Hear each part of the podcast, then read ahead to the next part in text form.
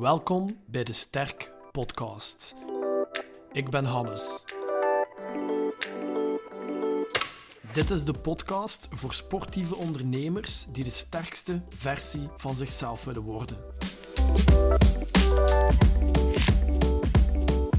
Vandaag ga ik in gesprek met Nienke Harmelink over zwanger worden en werkende moeders. Nienke is osteopate, uitvindster van KPNI Baby en zelf moeder van twee kinderen. Dag Nienke. Dag, hi. Je bent nog niet zo lang geleden bevallen van een dochter, June. Ja, tweede dochter. Ja, Ja. Tweede dochter. Ja. Hoe gaat het met haar? Goed, ja, heel goed. Ze is eh, vrolijk, happy, eet goed, drinkt goed. Hm. Helemaal, helemaal happy, ja. Ja, dat is de, ehm, de tweede, hè. Dus ze, is, eh, ze vindt het super leuk als de oudste natuurlijk eh, aan het zingen is en aan het spelen is. En, eh, en zij geniet van alles om haar heen. Dus een intense dametje met van die knalblauwe ogen. En heel erg observerend.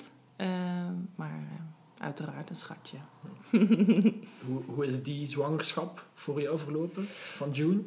Van June is die ietsje minder, ehm, eh, laten we zeggen, soepel. Of, hij is minder verlopen dan, ik, dan de eerste. Minder, of ja, laat ik zeggen, wel, wel allemaal goed, fysiek vooral. Maar eh, mentaal was de tweede een stukje, een stukje pittiger wel. Ja, bij eh, Noah, mijn oudste, heb ik hè, ruim de tijd gehad ook voor mezelf voor te bereiden. En eh, zoals ik dat dacht dat het het beste was om dat te doen. Hè, qua, qua leefstijl en qua rust en qua alles eigenlijk. En die zwangerschap is eigenlijk ook vlot verlopen.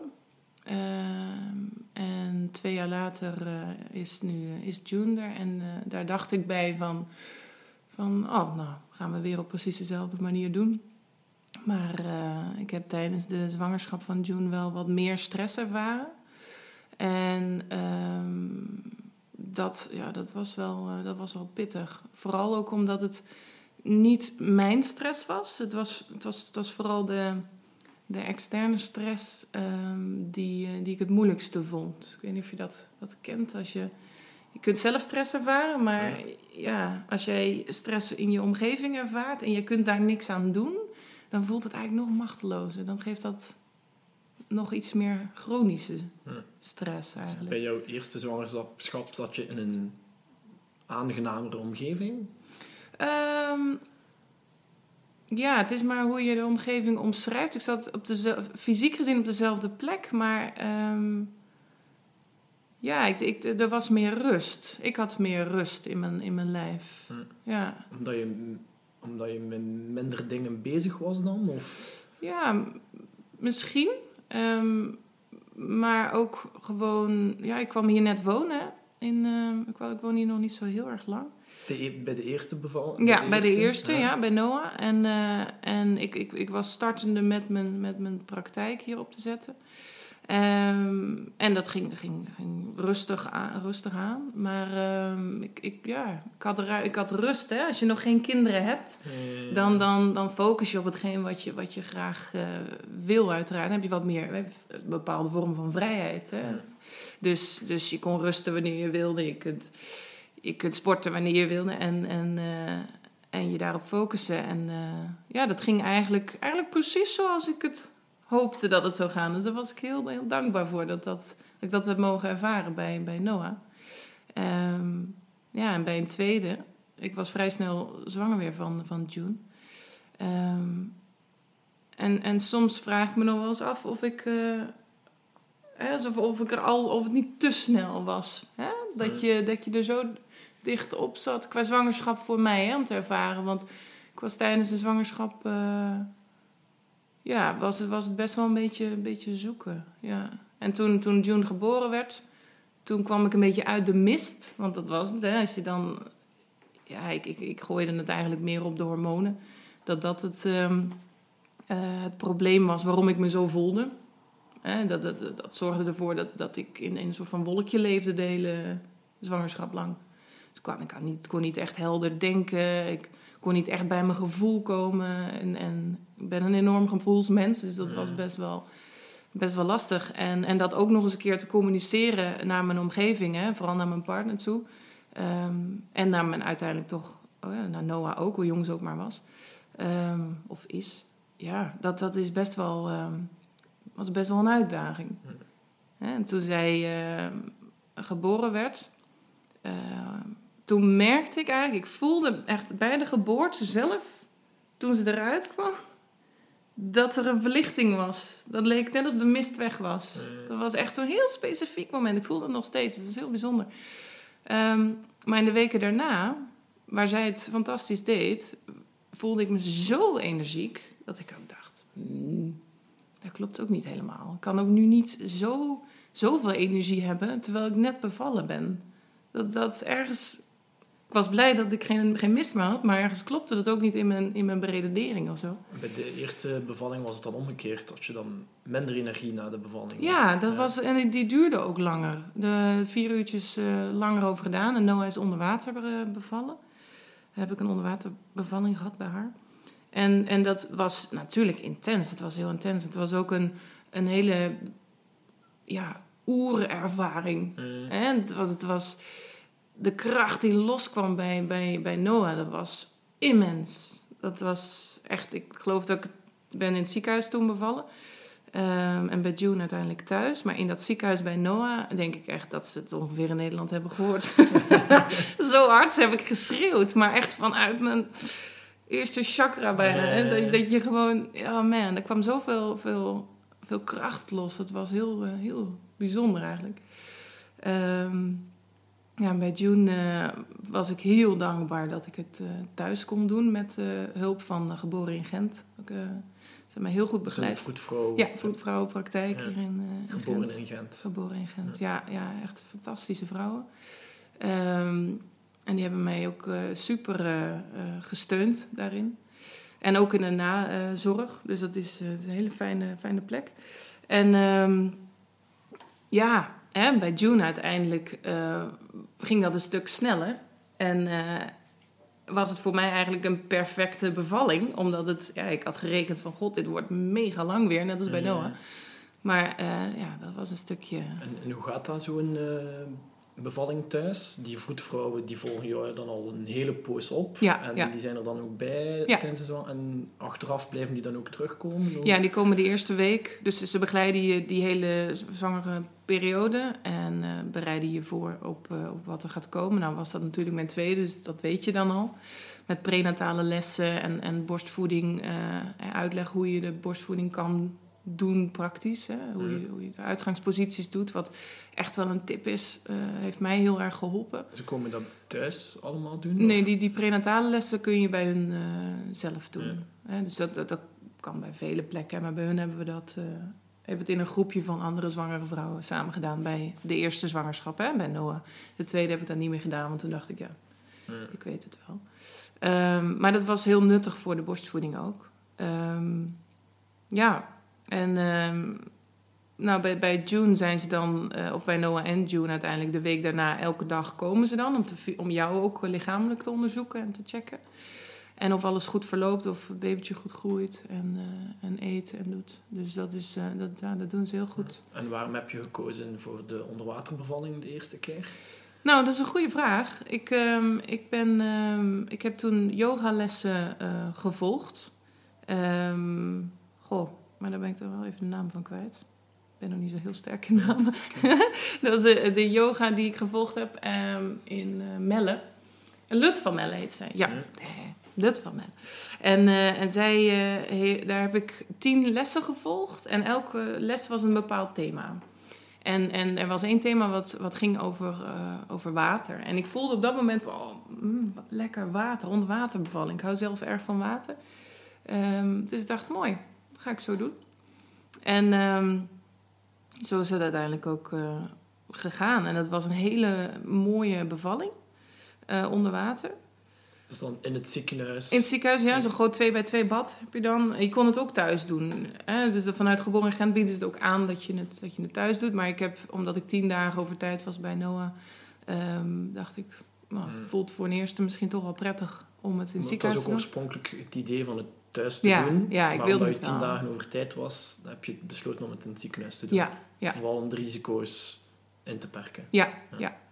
ja. Ik weet niet. ik Het voelde gewoon goed op dat moment. En, en alle twee de bevallingen wou je graag thuis doen. Waarom is dat voor jou belangrijk van dat thuis te doen en niet in het ziekenhuis? Ja, ik, ik- belangrijk. Ik denk ehm, dat, dat vrouwen in het algemeen, wat voor mij heel belangrijk is, eh, de, op intuïtie te kunnen varen. Zelf aanvoelen, wat heb, wat heb ik nodig? Hè? en Wat heb ik nodig om rustig te zijn? Vooral tijdens de, de, de bevalling dan.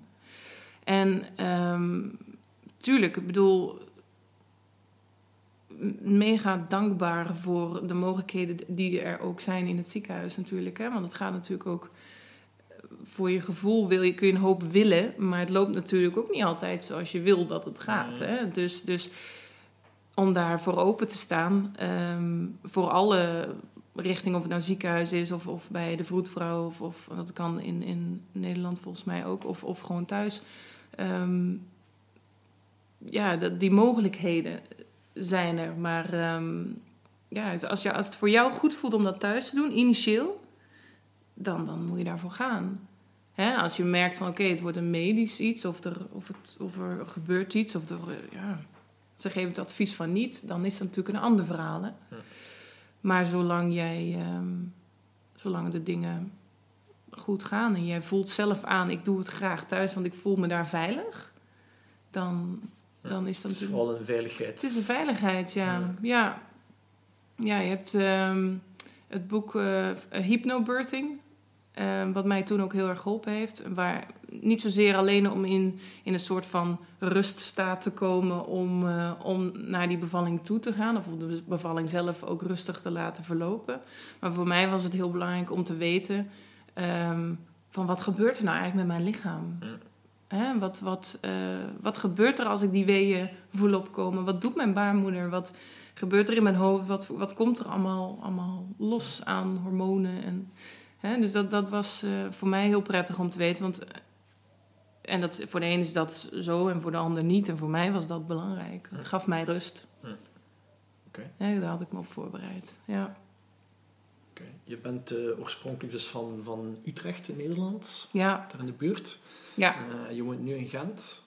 Je bent ongeveer vijf jaar geleden verhuisd van Nederland naar België. ja. Hoe is die verhuis, hoe, hoe is die overgang voor jou verlopen? Ehm, uitdagend. het was, het was eh, eh, mijn keuze om naar België te komen was echt vanuit de liefde. Want mijn partner die, eh, woonde in Gent. En ik was klaar met, met mijn opleiding als osteopaat. En ehm, na twaalf jaar wonen in Utrecht vond ik het ook wel weer tijd voor een nieuwe uitdaging. Dus ehm, ja, ik, ben hier eh, gekomen. We zijn ehm, gaan samenwonen. Ik ben gestart met mijn, eh, met mijn praktijk in volle enthousiasme, osteopathie. En ehm, ja, dan, dan, dan is het zoeken. Hè. Je komt als, als Nederlandse in België en je begint met eigenlijk van... Ik was voorheen fysiotherapeut, overschakeling naar osteopaat. Eh, als zelfstandige, hè, terwijl ik in, in Nederland onder een, eh, in, in een praktijk werkte onder een baas. Dus, eh, dus ik, dat was een grote overgang. Dat was een flink eh, switch. En ik, ik vond het een uitdaging. Ik vond het heel, heel tof om, om die uitdaging ook aan te gaan. Makkelijk is, is natuurlijk anders. En het eerste jaar zag ik zelf echt als een, als een uitdaging en, en als een avontuur. En het tweede jaar dacht ik, oei, oei, ga ik, ga ik, hier, ga ik hier echt blijven? Is dit. Ga ik hier mezelf vestigen? En dat, dat, hè, hoe ga ik dat doen? Weet ik dat wel zeker. En eh, derde jaar merk je wel van, goh, ik heb een, een zeer eh, krachtige inner circle. Mijn, mijn vrienden, mijn vriendinnen en mijn familie, dat, eh, die zijn voor mij ontzettend belangrijk. Maar die zaten nog... Die zitten nog in Nederland. Die wonen in Nederland, ja. ja. Dus daar had je... Online had je daar wel steun van, maar... Ja, nee, zeker. Nee, kijk, het derde jaar eh, merkte ik daar dat, eh, dat daar wel wat heimwee kwam. Maar ehm, dat de troost of, of de, de, de rust die ik daar elke keer in vond, is de bevestiging van mijn vriendinnen. Hè? En, en mijn, eh, mijn ouders en mijn broer. En, ja, mijn- de, die inner circle heeft ervoor ge- gezorgd ook dat het nog meer kracht gaf aan mij om, om te beseffen van kijk, ik, ik, ik hoef maar twee uur hier vandaan te zijn. En sommige mensen zitten natuurlijk in, in, in tijdsverschil landen en zitten veel verder, dan, dan valt dit nog mee. Maar de bevestiging van mijn vrienden, eh, dat ik daar toch altijd op kan, nog Mm. steeds op kan terugvallen. Dus jouw, jouw inner circle was eigenlijk al zo sterk dat je niet het gevoel hebt dat je die achtergelaten bent of dat je die kwijt bent, maar dat je er toch nog altijd op kan blijven Ja. rekenen, ook al woon je iets verder om het Ja, te zeggen. absoluut, absoluut. En vrienden, goh, dat is zo belangrijk. Hm. Dat, je, dat je een groep mensen om je heen hebt die eerlijk durven te zijn. Die jou die, die spiegel voor durven te houden en te zeggen van... Goh, Nien, wat ben je aan het doen? Hm. Hè? Eh, weet je het wel zeker? En ja, die vertrouw ik echt blindelings. Omdat ik door de jaren heen ook weet... Zij hebben ten alle tijde het beste met mij voor. En ik ook met hen. Hè? En dan weet je als je een feedback krijgt... wat misschien niet altijd het leukste is om te horen... als het iets is van met een groot vraagteken van wat ben je aan het doen. Maar dan weet je wel dat het uit een puur hart komt. Hm. En dat zet je dan altijd aan het denken. Hm. Snap je? Dus voor mij is dat een hele belangrijke... Ja, een heel belangrijke bron van veiligheid ook. Ja. Dus, eh, ik vind dat heel interessant, want ehm, ik heb het gevoel dat dat hier in België, maar dat is misschien mijn ervaring dan, dat, dat die directe feedback niet, niet altijd in goede aarde valt. Dus als je iets zegt van, hey, misschien moet je daar een keer over nadenken, zijn er wel goed bezig op dat vlak, dat dat heel snel als aan, aanvallend beschouwd wordt. Ja, in, in general bedoel je. Ja. Ja.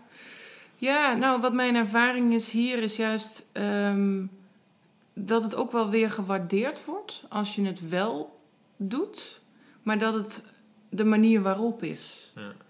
Ja, ik denk als je kunt spreken vanuit een ik-vorm en kunt benoemen van kijk, ik zie dat gebeuren en, en Zonder oordeel. ja, nooit een judgment daaroverheen te hebben. En ik denk dat dat zeer belangrijk is. Ja. Ik denk dat dat een goede teken Ja. is. Ja. Ja. Toen dat je overstap gemaakt hebt van Nederland naar België, Ja. was ook het moment dat je gestart bent met KPNI Baby. Ehm, eigenlijk toen, even zien hè, Noah die was al geboren. Ja. Ja, Noah was al geboren, dus ik was er al eventjes. En ik had het idee al vrij lang in mijn hoofd. Ehm, ik denk ook eerlijk gezegd, hè, de dingen die we doen in het leven ehm, reflecteren ook weer in hetgeen van wat je wil neerzetten. Op dat moment was ik net zwanger geweest. Ik had daar bepaalde ervaringen mee. Ik had er bepaalde ideeën achter. Ik eh, ben ehm, natuurlijk geïnspireerd geraakt door het hele eh, klinische psychoneuroimmunologie. Hè, dus eh, mijn partner was daar heel veel mee bezig en, en ik ben daarin meegestapt in zijn Ja. journey eigenlijk. En heb daar heel veel van geleerd. En, en daaruit kwam het idee van KPNI Baby. En toen ik het in de praktijk KPNI Huis eh, opperde aan, aan wat collega, toen, eh, toen kwam er eigenlijk naar voren dat, dat alle vrouwen binnen de praktijk daar eigenlijk al over hadden nagedacht. Ja. Dus ik was helemaal niet de enige die daarmee bezig was. En dat vond ik eigenlijk wel heel erg, heel erg leuk. Ehm, en toen zijn we eigenlijk eh, hebben we keuze gemaakt om met z'n vieren de workshops te gaan doen. De workshop Zwanger worden. Workshop zwanger worden, inderdaad. Ja, en, en ehm, voor mij was dat een, een challenge om te zien: hey, vind ik dit leuk? eh, om überhaupt met dit thema bezig te zijn? Vind ik het leuk om workshops te geven? Ehm, wat, wat levert het de mensen op? Eh, wat gebeurt er precies? Ik vond dat wel, wel een uitdaging om te doen. Ja. En ehm, dan Laura, Laura Beekhaart, die, die richt zich voornamelijk op het hormonen eh, deel. Dus Mhm. binnen zwanger worden, zwanger zijn en de kinderen, het hormonale aspect. En eh, Sophie Dobbelaar richtte zich op de, op de beweging, op movement. En eh, Florence van Nesten richtte zich op de voeding. Mhm. En ik deed over bioritme en stress. Dus het stuk stress kwam eigenlijk al in mijn... Ja, dat, dat is al iets wat mij triggert. Vind ik altijd interessant. Ja, dus we hebben daar een eh, leuke workshop over kunnen geven toen. En Ja. wat, zijn, wat zijn volgens jou de belangrijkste aandachtspunten ehm, voor vrouwen die zwanger willen worden? Ehm, ik denk als je binnen de KPNI blijft, dat we ons richten op, op stress, bioritme, beweging hè? En, en, ehm, en voeding uiteraard. Ja. Dus die vier dingen zijn een beetje een leidraad. En toen ik ehm, startte met KPNI Baby was dat ook echt, hè, zoals ik me voorbereid heb naar de bevalling van Noah toe en de zwangerschap überhaupt, heb ik strikt die regels gevolgd. Dat, was helemaal zoals ik dacht, dat moet perfect zijn. Nou, ik op dat moment denk, dat moet perfect zijn. En zo is het ook gegaan.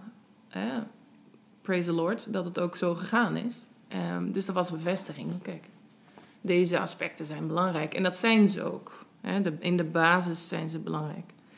Ehm, het lichaam van een vrouw moet op alle vlakken natuurlijk toestemming geven om zwanger te mogen worden. En als er, als er stress is, eh, dan gaat het lichaam echt geen toestemming geven naar, naar, een, hè, naar de organen die een kind eh, tot leven. Wa- Wat is jouw definitie van stress dan? Want er zijn verschillende soorten Ja, stress. noem, noem, het, noem het chronische stress. En dat Ja. kan van alles zijn. Hè? Dat Ja, kan dus als er chronische stress is, dan geeft het lichaam geen toes- toestemming om zwanger te worden. Dan kan het lichaam geen.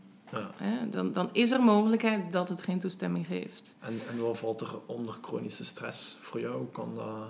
Mm, noem een financiële stress. Noem een relatiestress, de druk die er soms ook op ligt binnen een relatie soms of, of binnen de maatschappij. Hè, de verwachtingen die erop liggen. Ehm, zwanger moeten worden. De, de, ja, kijk, uiteindelijk kun je natuurlijk bepaalde vormen van voeding ook als stress zien. Hè, de, binnen de KPNI eh, wordt natuurlijk veel gesproken over zoogdieren en over, eh, eh, en over suikers. Dat zijn dingen, daar hoeven we verder niet op in te gaan, maar dat is, dat is een onderdeel daarvan.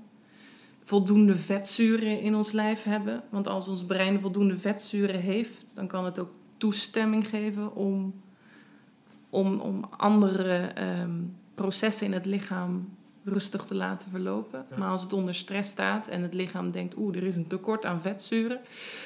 Ja, dan, dan gaat het niet bezig zijn met een, in principe, een luxe orgaan als een, als een baarmoeder. hè. Ja. En, en zeggen van, kijk, word maar zwanger ook al sta je onder enorme stress. Hè?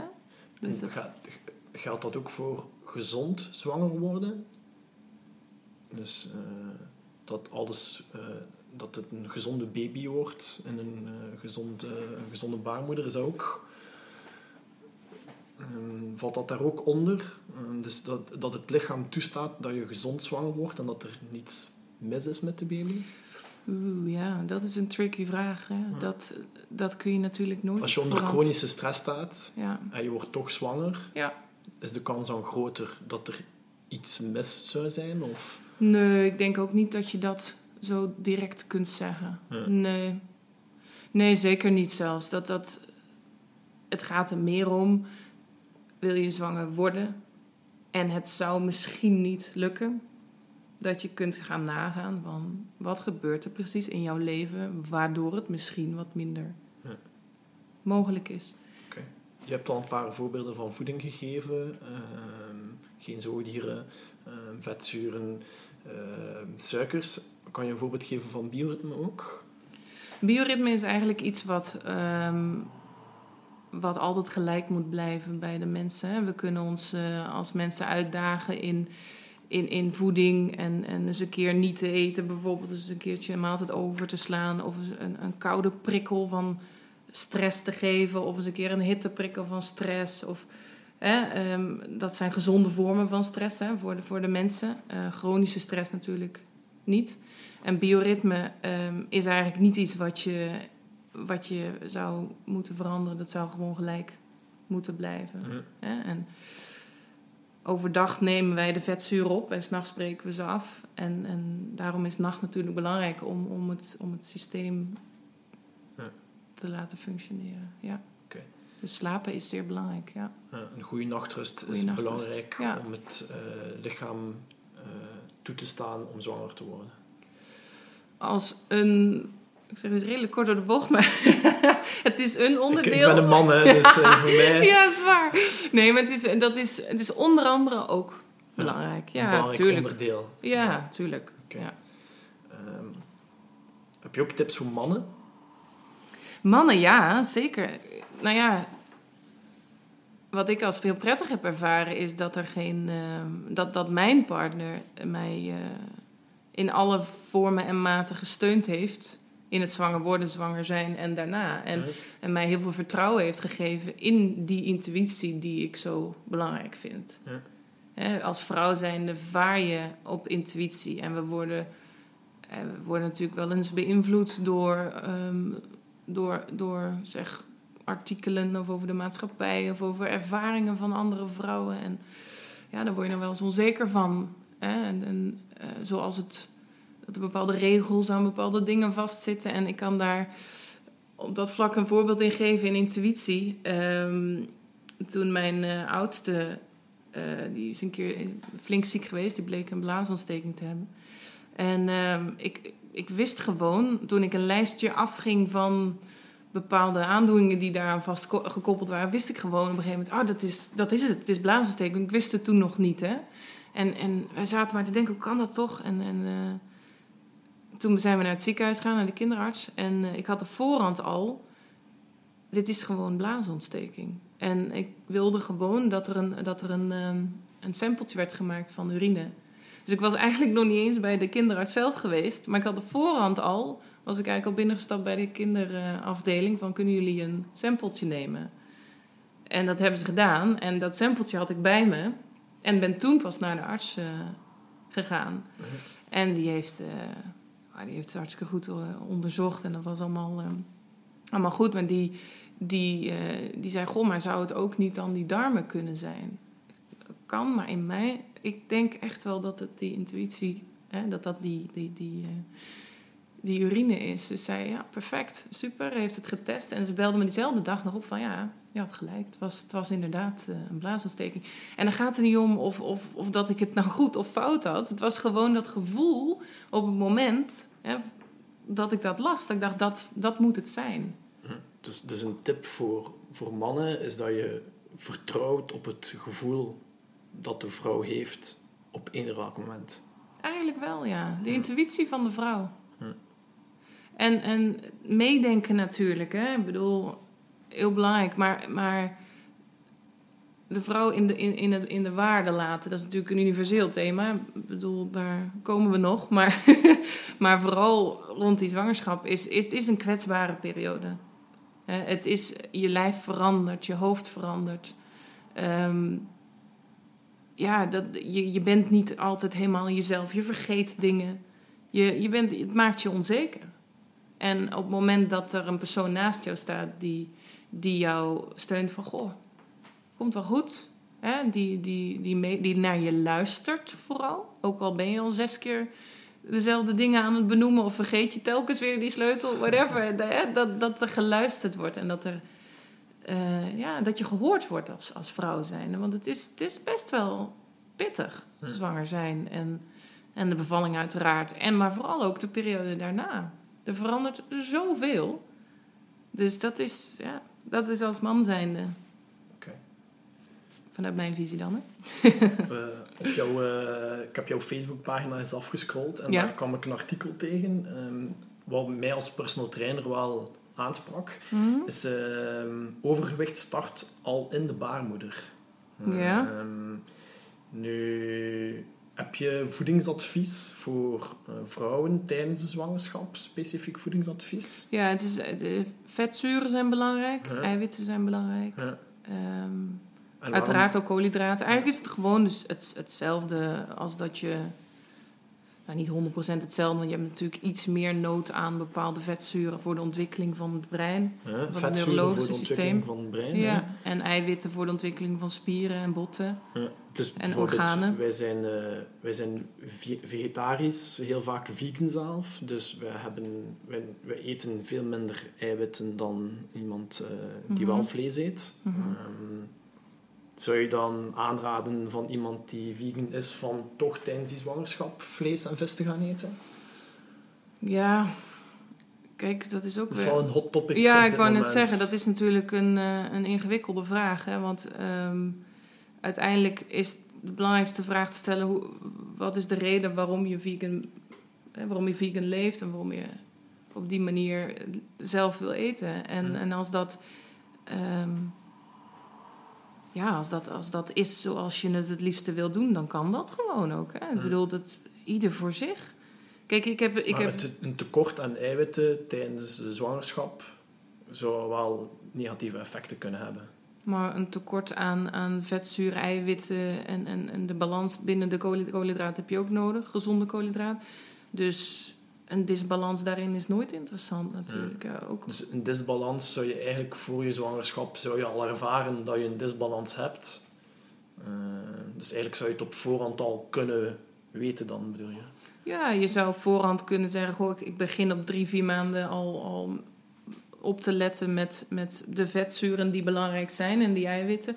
Dat kan ook in ondersteunende eh, manieren, in de vorm van supplementen of iets. Ehm, maar dat je die extra ondersteuning hebt en de, voed, eh, de vitamine daar rond. Hm. De speciale vitamines die je ondersteunen als eh, zwangere vrouw, foliumzuren, Hm. ja, vitamine B. Echt een hele hoop zaken die je daarin kunnen steunen. Ja. Maar gevarieerd eten en ja, dat is uiteindelijk het, het belangrijkste. En, en ik moet eerlijk zeggen, de focus op voeding en op, eh, ja, voornamelijk op, op voeding is, is iets wat ik bij mijn eerste zwangerschap heel sterk gedaan heb. Hm. Heel erg opgelet dat ik, dat ik eh, veel vetten, hè, avocado en, en, en roomboter en nou ja, noem het allemaal op. Hè, kokos, yoghurt, allemaal vetzuren die ik, die, die heb ik heel veel genomen toen. En, en daar was ik heel erg op gefocust. Maar ik merkte bij mijn tweede zwangerschap dat omwille van omstandigheden... dat, dat mijn focus veel minder was daarop. Ja. En eh, ja, heeft het een met het ander te maken... dat, dat de fase na de zwangerschap van June ehm, een hele donkere fase was. Dat weet ik niet. Dat kan. Maar ik denk vooral stress is naar mijn mening een van de, de, belangrijk, ja, van de belangrijkste dingen. Ja. Ja. Die staat bovenaan en de rest... De rest is ook belangrijk, maar stress is, is echt wel Ja. En is dat meetbaar? meetbaar. Ja. Als iemand zegt van ik wil graag weten hoe dat met mijn stressniveau gesteld is tijdens mijn zwangerschap, kan ik dat meten, kan ik dat voelen, kan ik dat inschatten en Ja, ja, dat denk ik wel. Echt meten, dat... eh, meer weer dat buikgevoel. Ja, ik, ik bedoel, als mensen, als vrouwen bij mij in de praktijk komen, dan, dan is het ehm, voor mij persoonlijk vrij snel duidelijk of iemand stress heeft, ja of nee. Ja. En, en als dat eh, iets is wat je, ja, als je daarin kunt helpen, dan, dan zou ik persoonlijk dat wel als eerste gaan benoemen. Tenzij het iets zo heftigs is dat je, dat je het stapsgewijs natuurlijk. Ja. Maar dan moeten ze wel al de stap zetten om tot bij jou te komen. Ja, Ja, want jij hebt heel veel ervaring daarin en jij kan dat heel snel zien.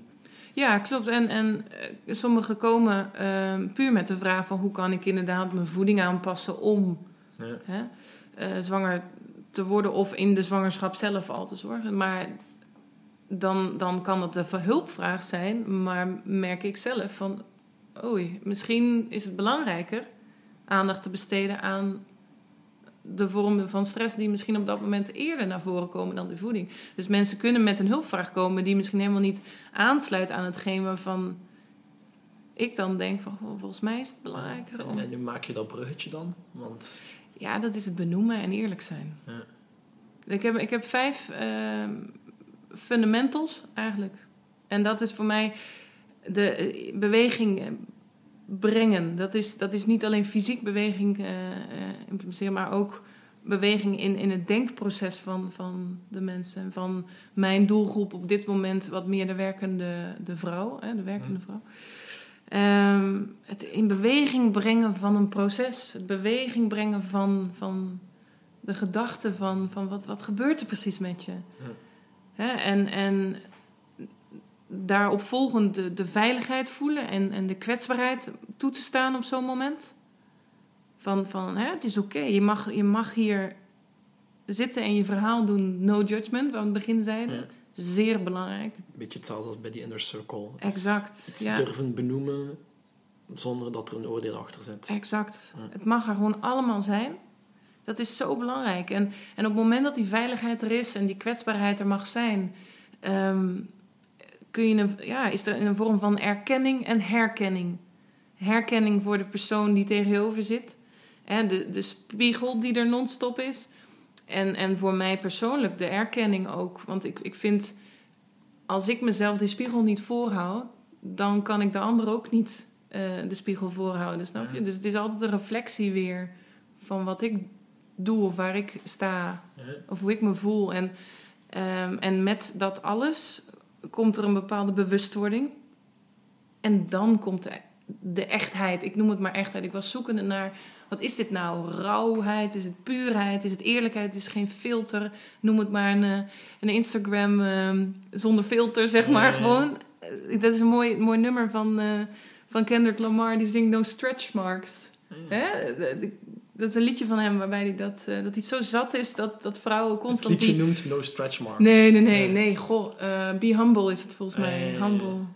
Sit down, be humble. Prachtig nummer. Maar, maar hij, hij benoemt dat ook van, van waarom moeten jullie er allemaal zo perfect uitzien? Ja, nee, inderdaad. Dat is eigenlijk best wel een goed punt. Want die, eer, die echtheid is waar het om gaat. Als jij niet in die echtheid durft te stappen, als je niet echt die spiegel voor durft te houden, dan verandert er ook niks. Snap je?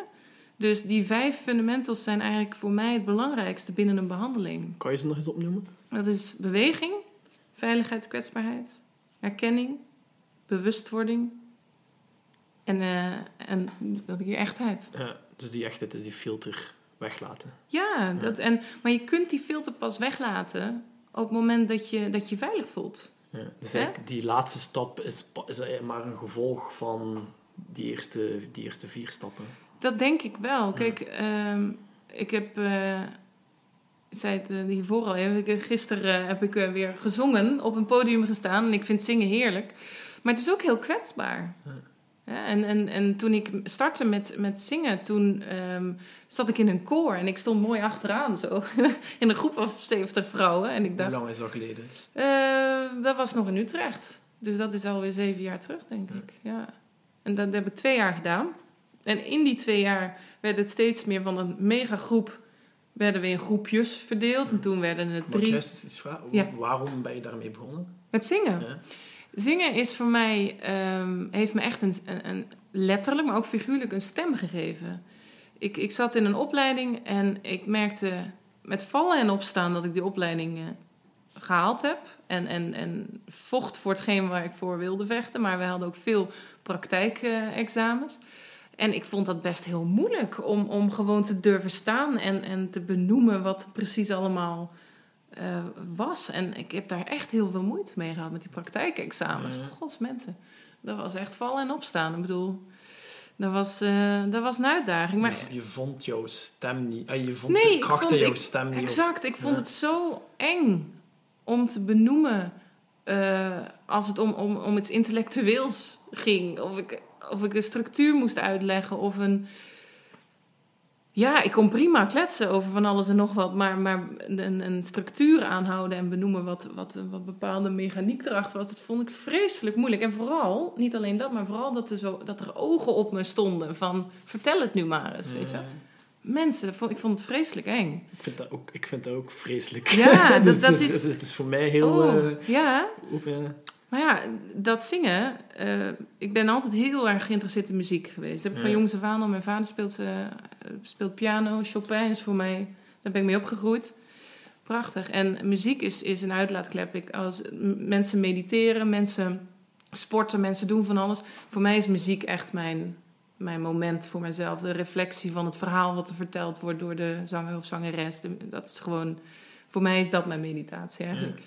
En ehm, ja, toen, toen werd dit voorgesteld. en Toen eh, de vrouw Martina, ik heb het vandaag toevallig dus nog op mijn Instagram gezet, maar Martina heeft mij echt geleerd van het maakt niet uit. Het is, het is niet goed of fout als, het maar, als je maar gegrond bent, als je maar staat en, en, en vanuit je hart zingt. En uiteindelijk is dat voor mij de reflectie naar het leven. Als je de dingen vanuit je hart doet, dan klopt het. En, en om nou de brug te maken helemaal naar, naar nu, is na de zwangerschap van June, die, die mij echt wel twee maanden in een, in een postnatale depressie heeft ge- gezet. Ehm, toen ik daaruit kwam, besefte ik me van: oké, maar waar, wat wil ik nou? Waar, waar sta ik nou voor? Hè, wat, wat, waar word ik nou blij van? En toen heb ik eigenlijk gewoon een stap teruggezet. En beseft van, oké, wat gebeurt er al om me heen automatisch? Wat als ik in mijn praktijk zit en de patiënten komen, de cliënten komen, wat voor een type mensen zijn dit? Wat is dus blijkbaar iets al wat ik van nature doe? En toen kwam eigenlijk direct het antwoord, ja, dat zijn die power women eigenlijk. Dat zijn die vrouwen die mij inspireren. En, en die voornamelijk dus werkend zijn en moeder zijn en die balans daarin zoeken. Hm. En nogmaals, dan, dan kom ik weer terug op het feit dat je natuurlijk een reflectie bent van waar je zelf mee staat. Hè? Want waar ik mee bezig ben, dat trek je dan ook wel weer aan. Maar op dat moment werd ik ook blij van het idee van, oh ja, ik hoef helemaal niet te trekken of te sleuren om de dingen te bereiken die ik wil bereiken. Ik moet gewoon ademhalen, stilstaan en om me heen kijken. Van wat gebeurt er al van nature? Ja. Dus ja, dat is eigenlijk wat er nu eh, komt en waar ik nu mee bezig ben. Super mooi. Ja, Dank u wel om dat te delen. eh. heel graag Ik gedaan. Ik werd er echt even, eh, even stil Ja. van. super mooi. Wauw, fijn. Ehm, nu, opnieuw, ik ben een, een, een personal trainer. Ja. Dus sport en beweging ehm, is in mijn leven heel belangrijk. Ja, Ehm, hoe belangrijk is sport en beweging tijdens een zwangerschap? Tijdens de zwangerschap eh, belangrijk. Ja. Ja, zeer belangrijk. Want de mens is gewoon gemaakt om te bewegen. En het stilzitten is natuurlijk eigenlijk de, de nieuwere vorm van ziek worden. Hè? We zitten veel te veel stil. en dat is eigenlijk tijdens een zwangerschap niet heel anders. Wij denken ook wel dat tijdens een zwangerschap dat, dat in één keer ons lichaam heel... Hè, dat we ze rustig moeten houden en dat we moeten opletten met alles. Ehm, maar ja, Vooral gewoon blijven bewegen. gewoon blijven rustig blijven bewegen en luisteren naar je lichaam. Ja. Ik bedoel, te veel, heel veel bewegen en, en, en rennen en, en, en je lichaam mega uitputten door middel van beweging. Dat zul je dan ook wel herkennen dat mensen dat kunnen doen. Ja. Dat is natuurlijk weer stress. En stress is weer niet interessant. Ja. Dus zo komt dat elke keer weer. Ja, dus eigenlijk is het in, in het bewegingsverhaal tijdens de zwangerschap gaat het weer al om stress. Is als je te veel en te zwaar van dezelfde inspanningen doet, creëer je een soort van chronische stress op jouw systeem. En dat is hetgene dat je net wilt vermijden. Ja, je wil überhaupt elke vorm van, van inhumane stress hè, vermijden. Ja. Ehm, ja, ik denk, ik heb zelf ehm, tijdens de zwangerschappen nog altijd wel eens een keer een koude douche genomen. Of eens een keer, ik heb ook tot mijn drie, vier maandige crossfit nog op een rustig tempo. Maar wel echt aanvoelen van, voelt mijn lijf hier goed mee? Of is het daar niet happy mee? En dat is dus weer die intuïtie, dat is weer dat gevoel van waar, wat voel je? Ja. Er staat daar geen, er staat daar geen eh, strikte richtlijn op. Je kan tot die datum blijven sporten of je kan tot die datum blijven bewegen. Dus opnieuw iets dat je zelf moet gaan aanvoelen. Nu is het genoeg geweest. Voor mij persoonlijk zit er inderdaad geen richtlijn aan vast. Ja. Ze zullen er wel zijn. En er wordt ook gezegd hè, dat het tot de drie maanden ongeveer.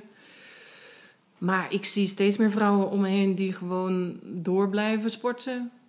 En, en dat gewoon ook op een aangepaste manier doen natuurlijk. We hebben wel vrouwen die tot echt twee weken voor de zwangerschap niet sporten bij ons. Maar wij zijn wel hun stok achter de deur om toch het minimale aan beweging te hebben. Juist, ja. Eh, ja. En dus nooit is dat gewoon samen een wandeling maken. En Ja. tijdens die wandeling heel lichte prikkels toevoegen. Ja. Maar, eh, Ja, dat is aangepast. En je merkt ook wel dat als jij beweegt, dat je babytje in je buik ook meebeweegt natuurlijk. En dan wordt het weer rustig van. Dus eigenlijk als, als personal trainer, als je zwangere vrouwen begeleidt, komt het een beetje op hetzelfde, komt het neer op hetzelfde verhaal als de man eh, tijdens de zwangerschap. Is luisteren naar het buikgevoel van de vrouw. En aan de hand daarvan de activiteit die je van plan bent zo goed mogelijk aanpassen naar hetgeen dat je hoort. Ja, eigenlijk wel. En Ja. niet op voorhand al beslissen van we gaan dat doen of we gaan dat doen. Nee, eerst heel goed luisteren Ja. en dan kijken wat dat er mogelijk is. Ja, je hebt, je hebt vrouwen die er doorheen fietsen, bij wijze van spreken. Die hebben nooit, nooit ergens last van, tot het Nee. einde. En de anderen hebben het heel zwaar. Ja. En dat is heel zwart-wit. De een heeft het zwaar en de ander niet. Maar daar zitten vreselijk veel gradaties in. Ja. Oké. Ja. En, en dat, dat is ook het stuk hormonen. Hormonen voor mij...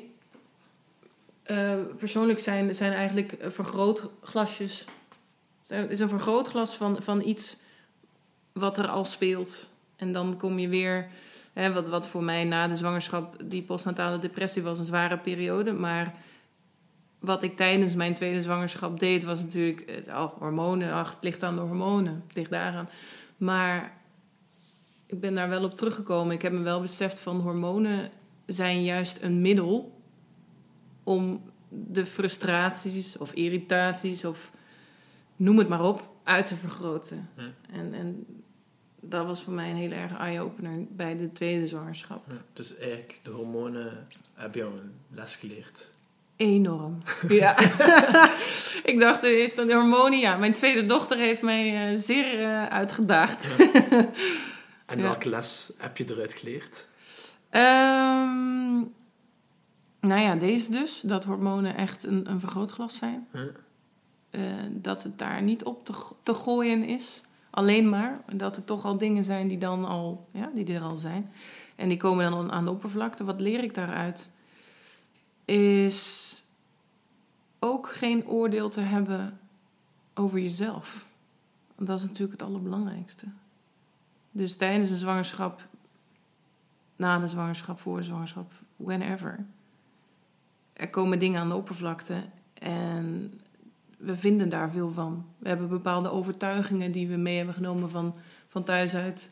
En in die overtuigingen bouwen wij ons leven op. Maar soms stroken de overtuigingen niet met je gevoel. Dan, dan, hè, dan doe je iets en dan denk je, ja, maar het hoort toch zo te gaan. Snap je wat ik bedoel? Ja.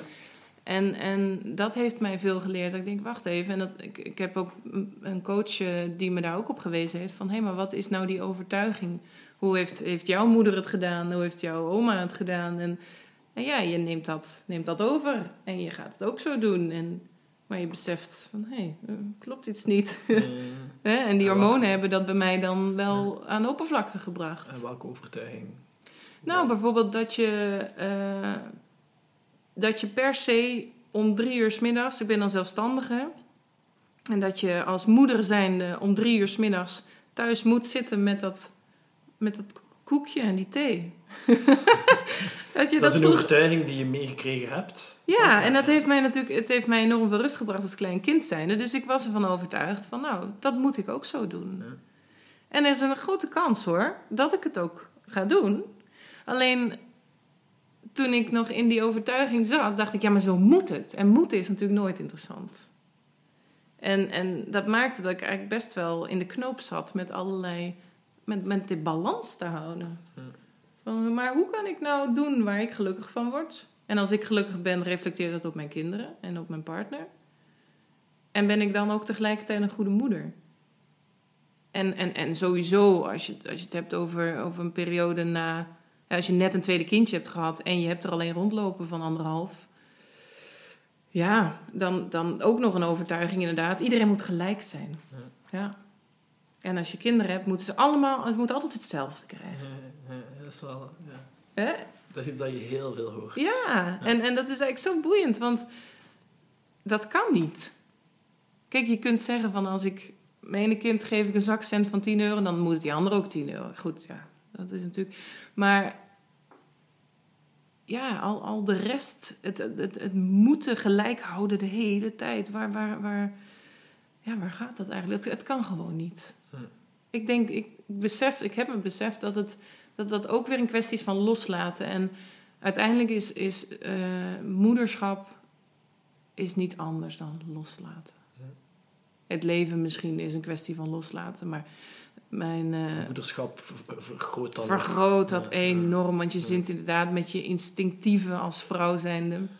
Ja, je hebt gewoon een moederlijk instinct. Ja, dat, dat, dat is de oervrouw. Hè? Dat, dat, is gewoon, dat zit in ons systeem. Wij moeten voor onze kinderen zorgen. En, en de man natuurlijk ook. En die verschuiving zie je nu heel duidelijk. Dat, dat, man en vrouw werken samen. En je doet het ook samen. Ik zou het ook echt niet anders willen. Ehm, maar je voelt wel dat, dat instinct soms opkomen van bescherming. Hè? En van... van eh, ja, van, van je kinderen, ja, dat is toch wel heel intens. Hm. En een grote uitdaging nu deze twee weken is dat mijn oudste dus voor het eerst naar school gaat. Ja, Ja, jongens, de afgelopen week was echt, eh, dat was wel heel moeilijk. Dat is het eh, ultieme voorbeeld van loslaten. Mm, mensen, toch. En vorige week was het natuurlijk ook niet zo slim, maar goed, wij kwamen terug van vakantie en Noah die moest maandag starten met school, vorige week. En ik was in de overtuiging dan, ah, dit is een sociaal, open kind. Hè, ze is eh, lekker rust gehad op vakantie. En die kan lekker van start. En die is gewend wel drie keer in de week dan naar de opvang te gaan. Dus ik denk, nou, dat komt wel goed. Maar die kwam maandag terug. En ik dacht, oh, dat, was gewoon, een, die, had, die had paniek. Ja, en dan gaat je moederhart wel eventjes eh, kapot, zou ik maar zeggen. Niet een klein beetje ook.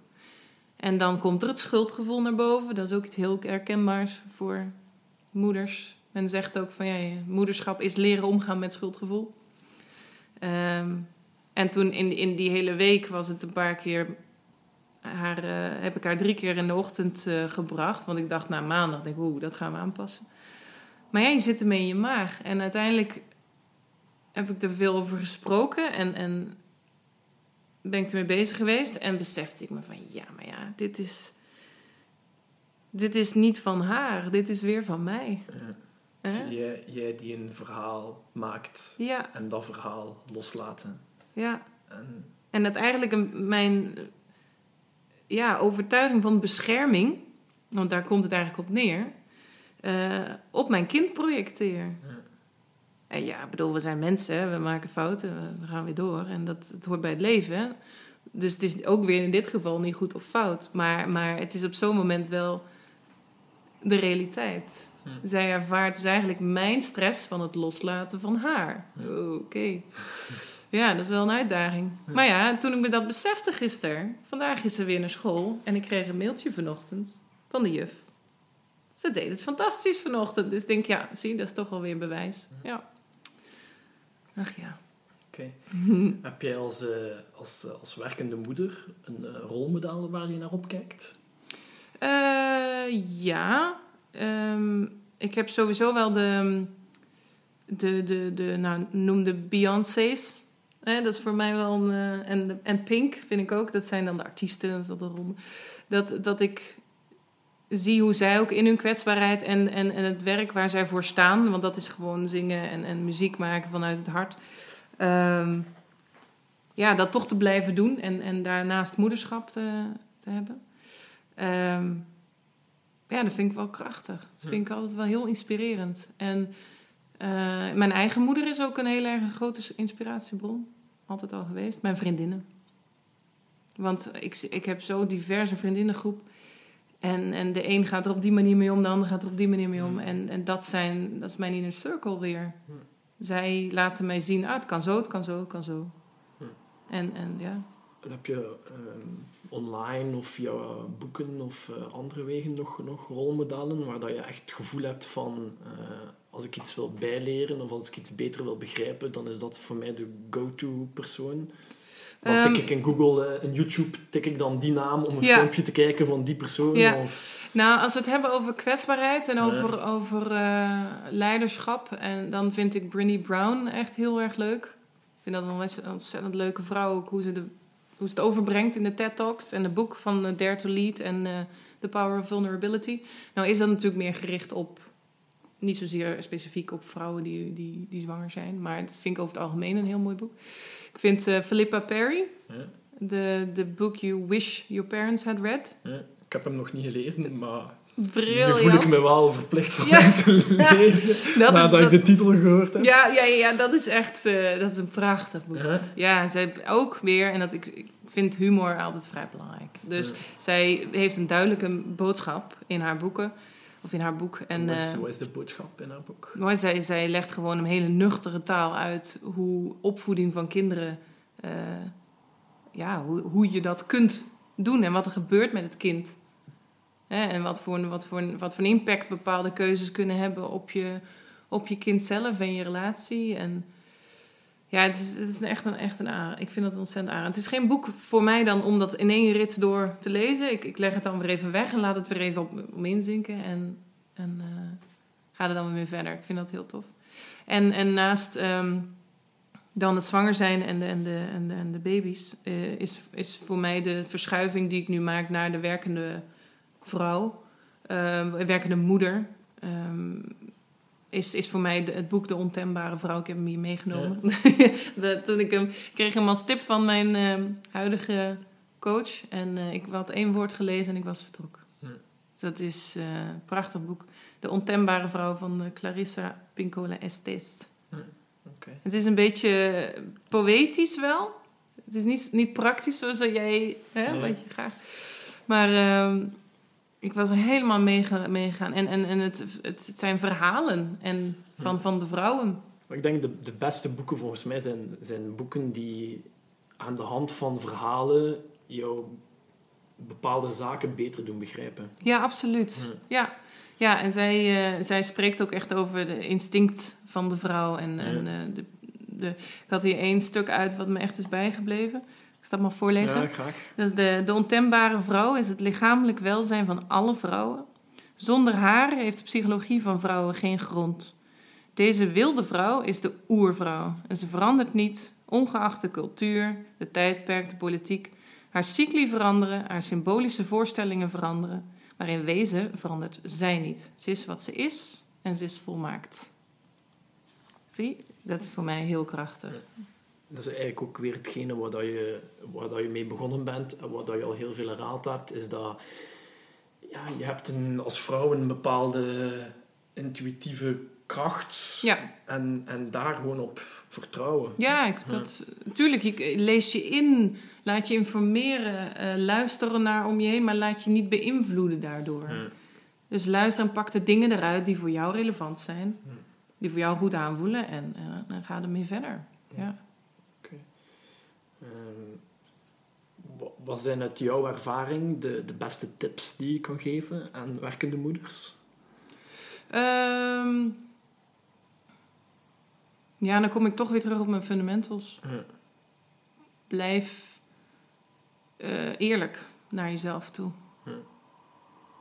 Blijf geloven en heb, blijf vertrouwen houden in waar je voor staat en wie je bent en welke richting je op wil. Ja, en, en hoe kan je dat hoe kan je dat best doen? Is dat door, door in, in coaching te gaan, een soort van accountability te hebben? Ja, nou, Of- hetgeen wat ik nu, wat mijn project eigenlijk nu is, is ik ben eh, zelf dus osteopaat en werk met mensen op eh, één op één in de praktijk.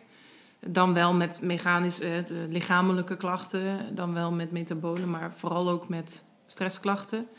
Ehm, daarin combineer ik de, de KPNI-adviezen, dus de lifestyle dingen waar we het net over hebben gehad.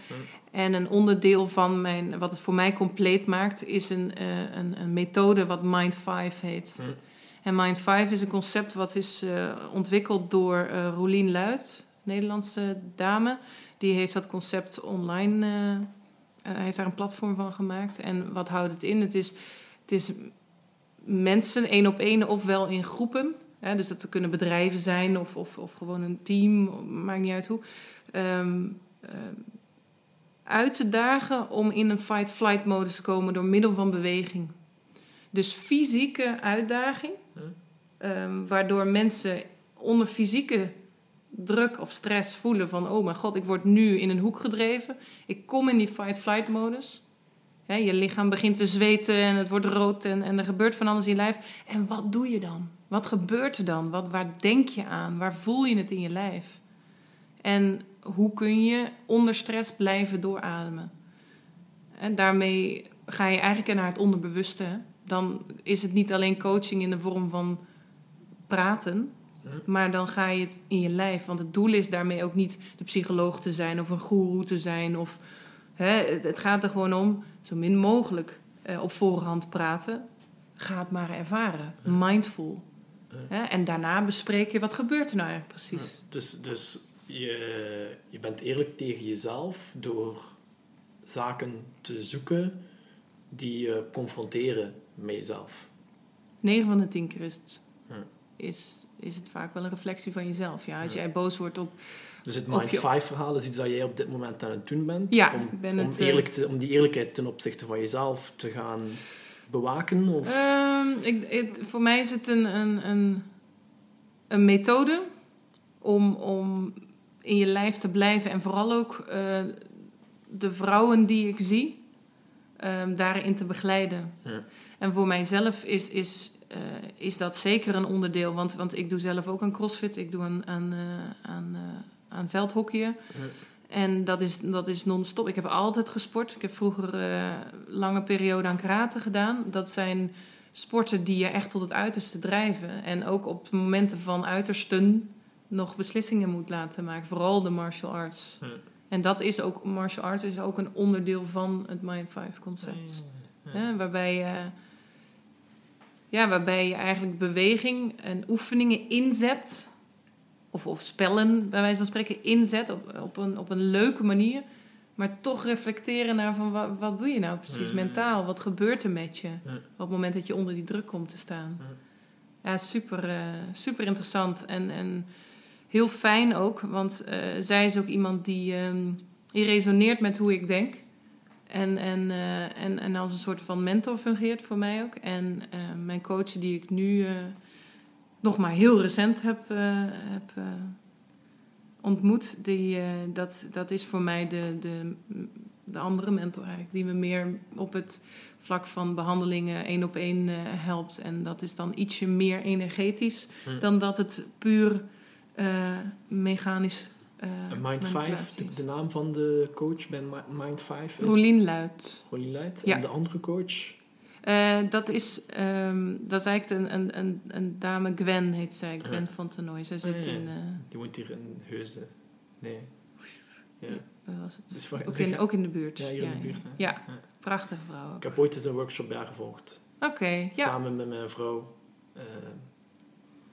Wat was heel interessant over ehm, hoe dat je de liefde in de relatie levend kan houden. Ook al waren we toen nog maar juist samen Ja. en dol verliefd op elkaar. Ja, ja, ja. ja. Maar zo connectieoefeningen. Maar zij, het is prachtig. En heel lang in elkaar zo gekeken. Ja, zo. ja, nou ja, dat is ook iets wat, wat binnen de PNI ook veel gedaan wordt. Ja. Hè? Die zeven minuten Ja. contact, oxytocine aanmaken. Ja, dus dat is prachtig. Maar zij is als mens ook gewoon... eh, weet je, soms... Je, je, je, je, ik heb vroeger ook een, een haptotherapeut gehad. En, En eh, wat? haptotherapeut, haptonomie. Ja, Dat eigenlijk ook in je lijf ja, ja, komen, oké. bewustwording.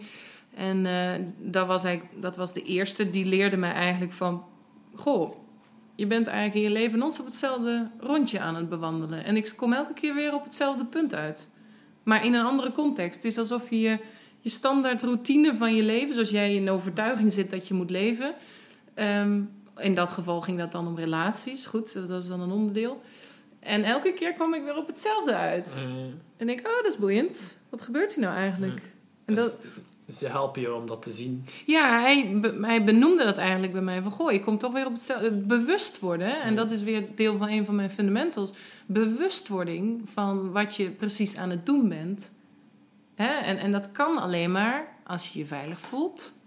Als je, als je eerlijk bent. Als je die erkenning voelt. Ja. En dan pas kun je bewust worden. Want als je, als je in een omgeving bent waar je niet prettig voelt... Hè, dan, dan, dan ga je je ook niet openstellen. Ja, dat, dat, dat is bij mensen. Sommige mensen heb je een aan- aantrekking naar en andere heb je een afkeer naar. Dat is ook weer het immuunsysteem wat natuurlijk daartussenin komt. dus bewustwording was die derde stap. ja, En de vierde stap was dan... Weet ik niet meer. ja dus dat, dat is, ik zeg de echtheid naar jezelf. Echtheid, En, en dan ook weer in beweging komen. Alles heeft met beweging te maken. Ja. En elke keer als ik van hem terugkwam, dan zat ik in de auto. En dan, dan dacht ik, god, wat is hier nou weer gebeurd? En dat was heel interessant. En, eh, en, en nu de afgelopen jaren hier ehm, ben ik eh, bij coaches geweest. Ook via Your Coach. Ook eh, van Benjamin Bal. Ook, die heeft ook een heel leuk boek geschreven. En dat bla bla coaching. Eh, ook wel, zonder bla bla. ja, vind ik ook wel leuk. Ehm, maar daar ben ik eh, bij Ilse Verbeke geweest. Zij heeft mij ook twee, in twee sessies heel erg goed geholpen. Zij heeft die overtuigingen echt naar boven gehaald. Van, van eh, wat gebeurt er nou eigenlijk? Hoe, waarom doe je dat? Is dat van jou of is het van iemand anders? Ja. Heb, eh, heb jij een levensmotto? Is er ergens een quote op jouw deur of op... ja, die veranderen de hele tijd bij ja, mij. dat, is, dat, is net, dat vind ik net mooi. Is, wat, wat is jouw levensmotto op dit moment? Mm.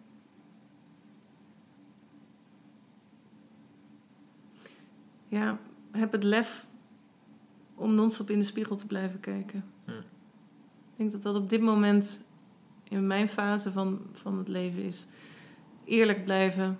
Hm. Geen concessies doen in die eerlijkheid.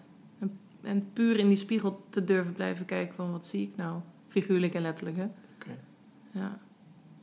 We gaan, eh, we gaan daarbij afronden. Dat is een heel mooie, eh, heel mooi om mee te nemen. Ja. Voor mezelf ook. Ik ga eens een keer in de spiegel kijken. Doe dat maar. Oké.